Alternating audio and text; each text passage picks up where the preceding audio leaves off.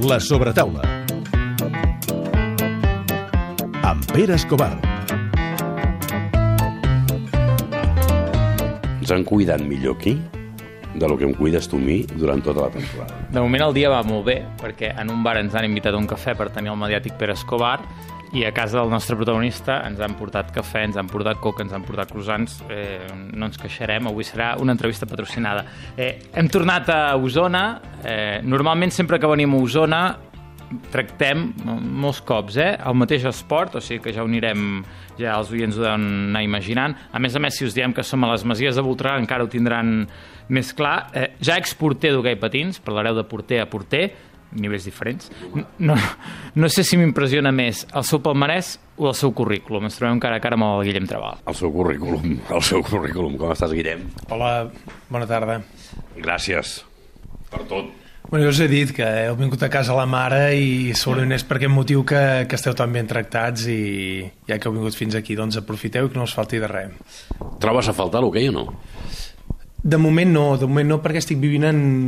estic vivint l'estiu, o sigui que jo de moment la meva vida no ha canviat. Eh... Vacances estàs fent? Jo és com que estigués de vacances, ara començo doncs, amb els campus esportius, eh, començo doncs, amb altres col·laboracions d'ara estiu a l'hoquei patins i jo crec que realment la, la meva realitat començarà a final d'agost, principi de setembre, quan és quan acabava l'estiu, em tornava a incorporar doncs, a la pretemporada, a més a més els últims anys era molt més especial perquè era fer maletes, anar cap a Portugal, anar cap a Itàlia i per tant jo crec que, que seran aquests moments quan realment m'adonaré doncs, eh, què és el que m'espera. T'has endreçat ja el que vindrà o, o, o no encara? No, la veritat que, la veritat que no i tinc clar que, que haig d'intentar doncs, compaginar el, el nou àmbit laboral que, que m'haig d'obrir portes eh, al mateix temps sense voler abandonar doncs, eh, el que és la meva passió, que és l'hoquei patins. Sens dubte sé que, que a nivell de, de l'hoquei patins, no sé si s'ha com a, com a entrenador d'un equip, com a, com a adjunt, com a entrenador de porters, eh, ho desconec, sé que serà doncs, eh, ja purament eh, per passió, per hobby, perquè a nivell professional doncs, eh, tinc clar que s'ha acabat. Eh, no serà que no t'hagis preparat, perquè tinc el teu, el teu currículum aquí, doctor en Educació Física i Esports, diplomat en Fisioteràpia, diplomat en, eh, de Magisteri d'Educació Física, llicenciat en Psicopedagogia, en Antropologia, màster en Antropologia Urbana, postgrau de Gestió Esportiva, Municipal... T'has preparat bé, criatura. He anat fent, he anat fent. T'agrada? M'agrada, és a dir, sempre que, doncs, que anava estudiant jo crec que, que anava enfocat sempre per dos vessants. Una, preparar el futur, perquè eh, amb l'hoquei patins jo crec que he estat molt afortunat durant molts anys he pogut viure com a professional del, del que m'agrada però això té límit i el, i el límit és que un cop acabem el dia següent ens hem de, de posar a treballar i volia estar ben preparat. Però al mateix temps m'agrada. O sigui, per mi no, no ha estat un esforç no ha estat un sacrifici el, el fet d'estudiar ho he fet amb, amb molt de gust i, i el que he fet és aprofitar-me de la meva situació d'esportista professional de, de tenir un sou que en dues o tres hores eh, només hem, hem de treballar dues o tres hores i tenim moltes hores disponibles. I llavors doncs, un altre doncs, escollirà un altre, un altre camí. I jo he preferit doncs, formar-me però dic perquè preparar el futur però sobretot perquè m'agrada moltíssim. Antropologia, això m'ha impressionat. De, de tot el teu currículum és el que m'ha cridat més l'atenció, no? Eh, fisioteràpia, i pensant, mira, li diré que em fa mal l'esquena, aviam si m'arregla. Però educació física i esports, tot això té, té, bé, va lligat al teu esport. Antropologia, eh, per alguna raó especial o no? Antropologia va ser la, la quarta carrera que vaig fer, va ser un, una època que, que jo estava a Reus, eh, i sí que totes les altres eh, carreres que havia fet, a part que m'agradava molt, però sí que les tenia molt pensades per un, per un enfocament laboral, d'una forma molt pràctica.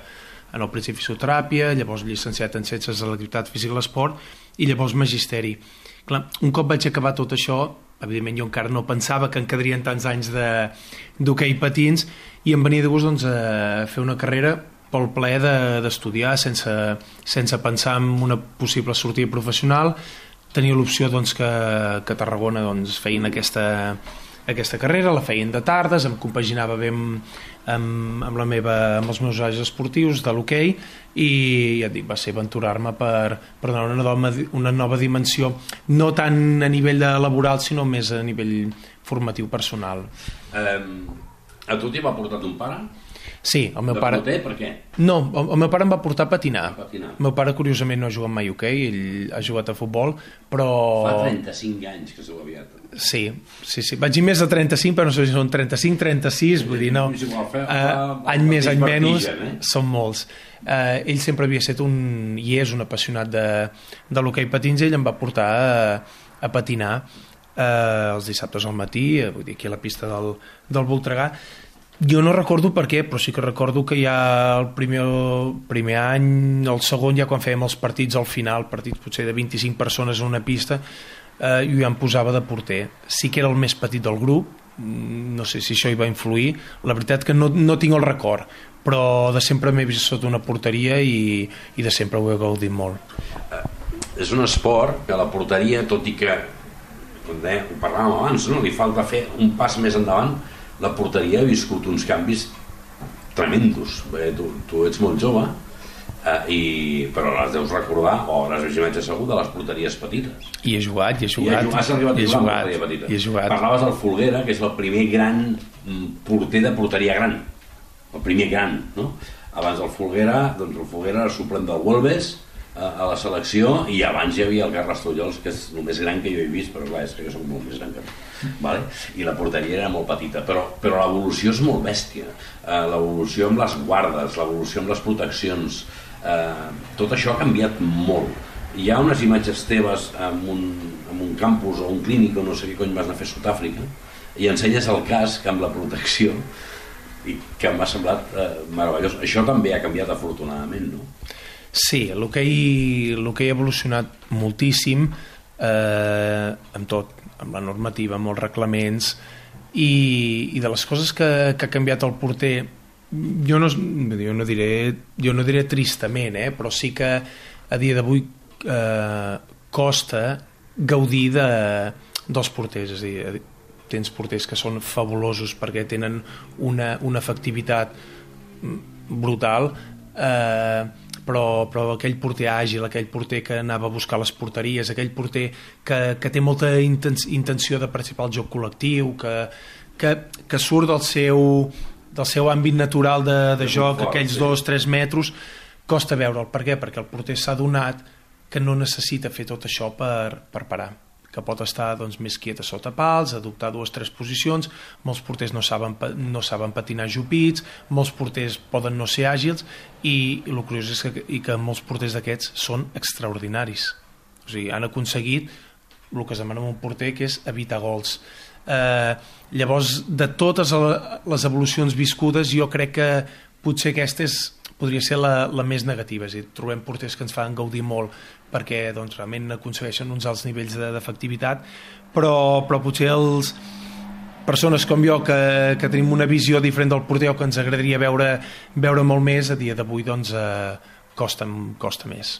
Eh, M'ha agradat molt una, una, una història. Eh, quan tothom parla de porter, això ho haurà sentit perquè alguna vegada ho, hem parlat, no? Eh, el porter està boig. Eh, el tòpic diu que per definició el porter està boig, el porter és el raro, el porter és el no sé què, no?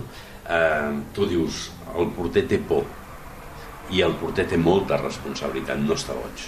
És el que assumeix més responsabilitat. Si estés boig, aniríem malament. Sí, jo, jo crec que això és un, És un tòpic fàcil. és un tòpic que, que va quedar desconec on va començar aquest tòpic i jo a vegades potser sí que quan veig els porters de fa 30-40 anys sense casc i, Bueno, potser sí, sí, no, jo, penso que, jo penso que estaven bojos però eh, ha canviat eh, Però s'aplica a tots els porters, no només a l'hoquei. És a dir, si, si fos només a l'hoquei, estic d'acord amb tu. És a dir, Samaranc jugava sense casc. Estem parlant d'una època, però el porter de futbol també tothom considera que està boig, el porter d'handbol també, mm. perquè suposo que és el que rep l'últim- l'última bufetada. No ho sé, ja et dic, jo per mi el, el, el més perillós o, l'aspecte que, que, que a mi sempre he sentit que m'ha generat més risc com a porter mai ha estat la, la part física i sobretot amb l'evolució de materials que, que estem vivint en, en, els últims, en els últims anys que, que per exemple jo ara tinc un, un fill amb 4 anys que està començant a jugar a hoquei i jo només estic desitjant que sigui porter no perquè sigui porter com el seu pare sinó perquè jo estaré tranquil jo, això és molt gran. Que jo, això és molt gran, eh? Jo estaré tranquil, perquè vull dir, no, no vull espantar ningú, però de, de tots els meus eh, a nivell d'aquest risc físic, tots els meus companys que hem jugat a, a la màxima categoria, i jo crec que no n'hi ha cap que o dents, o nas, o ulls o cap, no hagi tingut algun impacte, i jo no tinc cap. És dir, segurament sóc el que torno amb algun morat cada dia a casa, però, però s'ha i estalvi. I per mi la, el pitjor de, de fer de porter i quan dic el pitjor també és el millor, és la, la responsabilitat que, que nosaltres tenim i que, i que assumim, però que clar, et porta doncs, molts plaers quan les coses van bé, perquè ràpidament doncs, sents un orgull d'haver fet la teva feina i sents una gran recompensa per part de la gent, però també tenim molta responsabilitat i, i, i aquí li considero que és el, el risc més gran de, de ser porter. Per això no caça amb, amb estar boig. I també aporta molt de soledat Mm, jo crec que tampoc. És a dir, que, no? jo crec que cada vegada també això està canviant.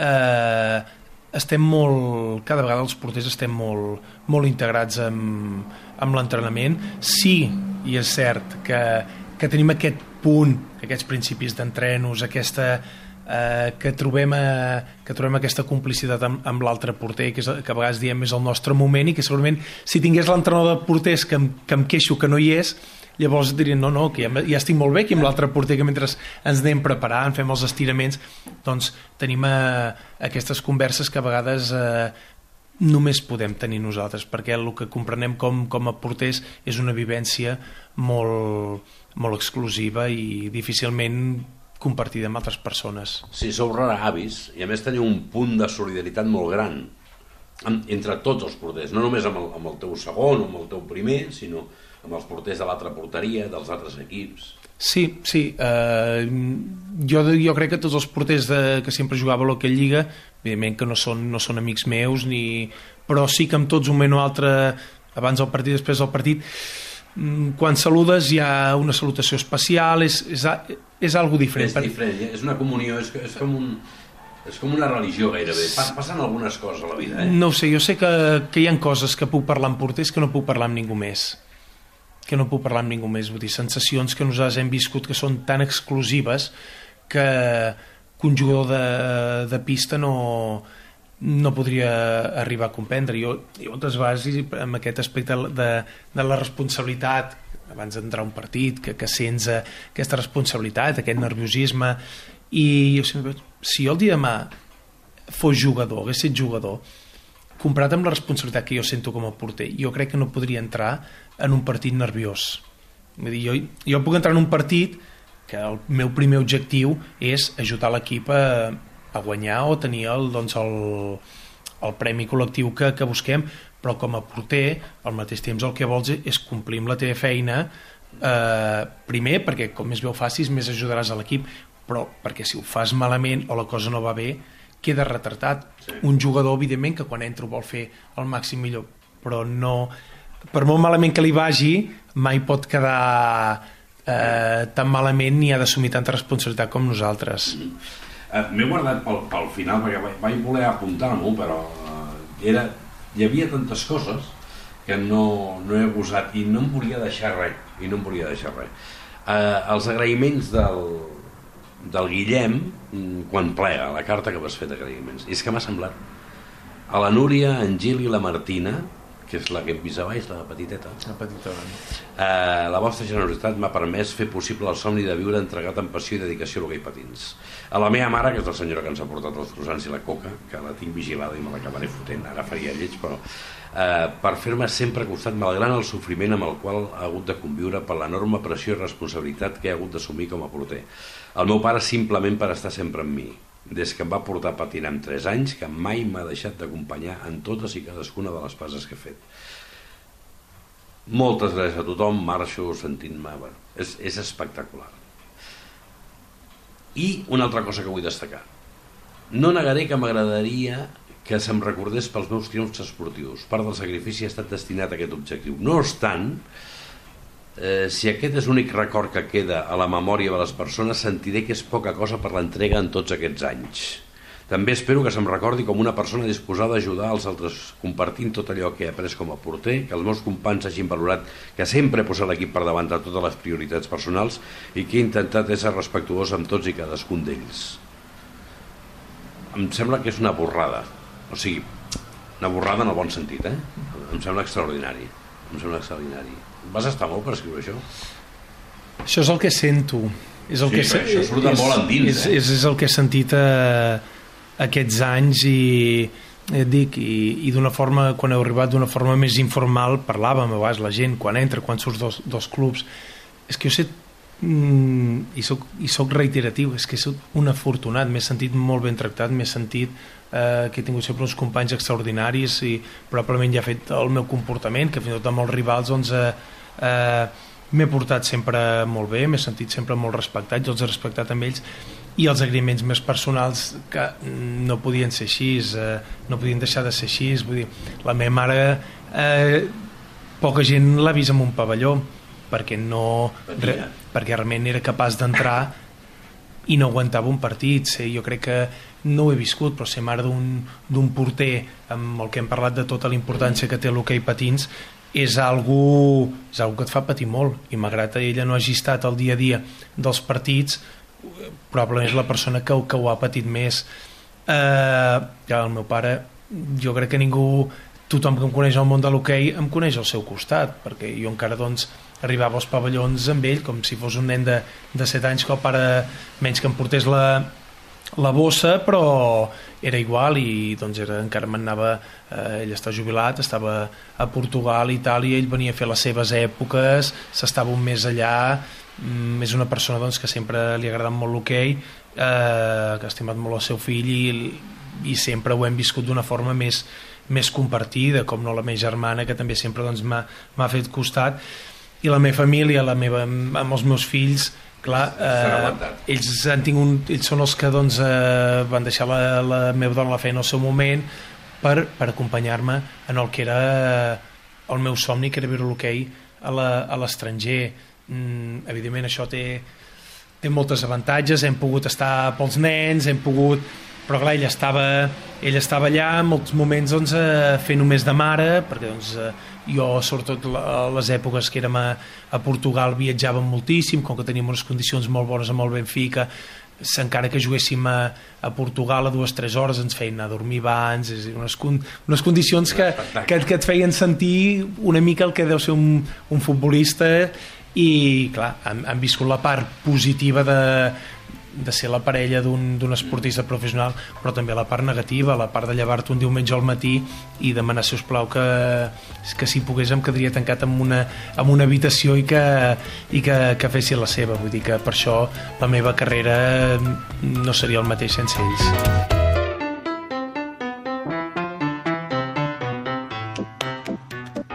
M'ha semblat espectacular i per això ho he volgut llegir, no m'acostuma a passar, m'agrada molt. Escolta, m'ho he passat molt bé. Ara el meu porter, bueno, ell, aquest, aquest no pot ser porter, perquè és impossible que sigui. Jo sí que he jugat de porter, però ell no. Tu no pots ser porter, cada vegada em critiques perquè sóc porter, però tu ets dibuixant.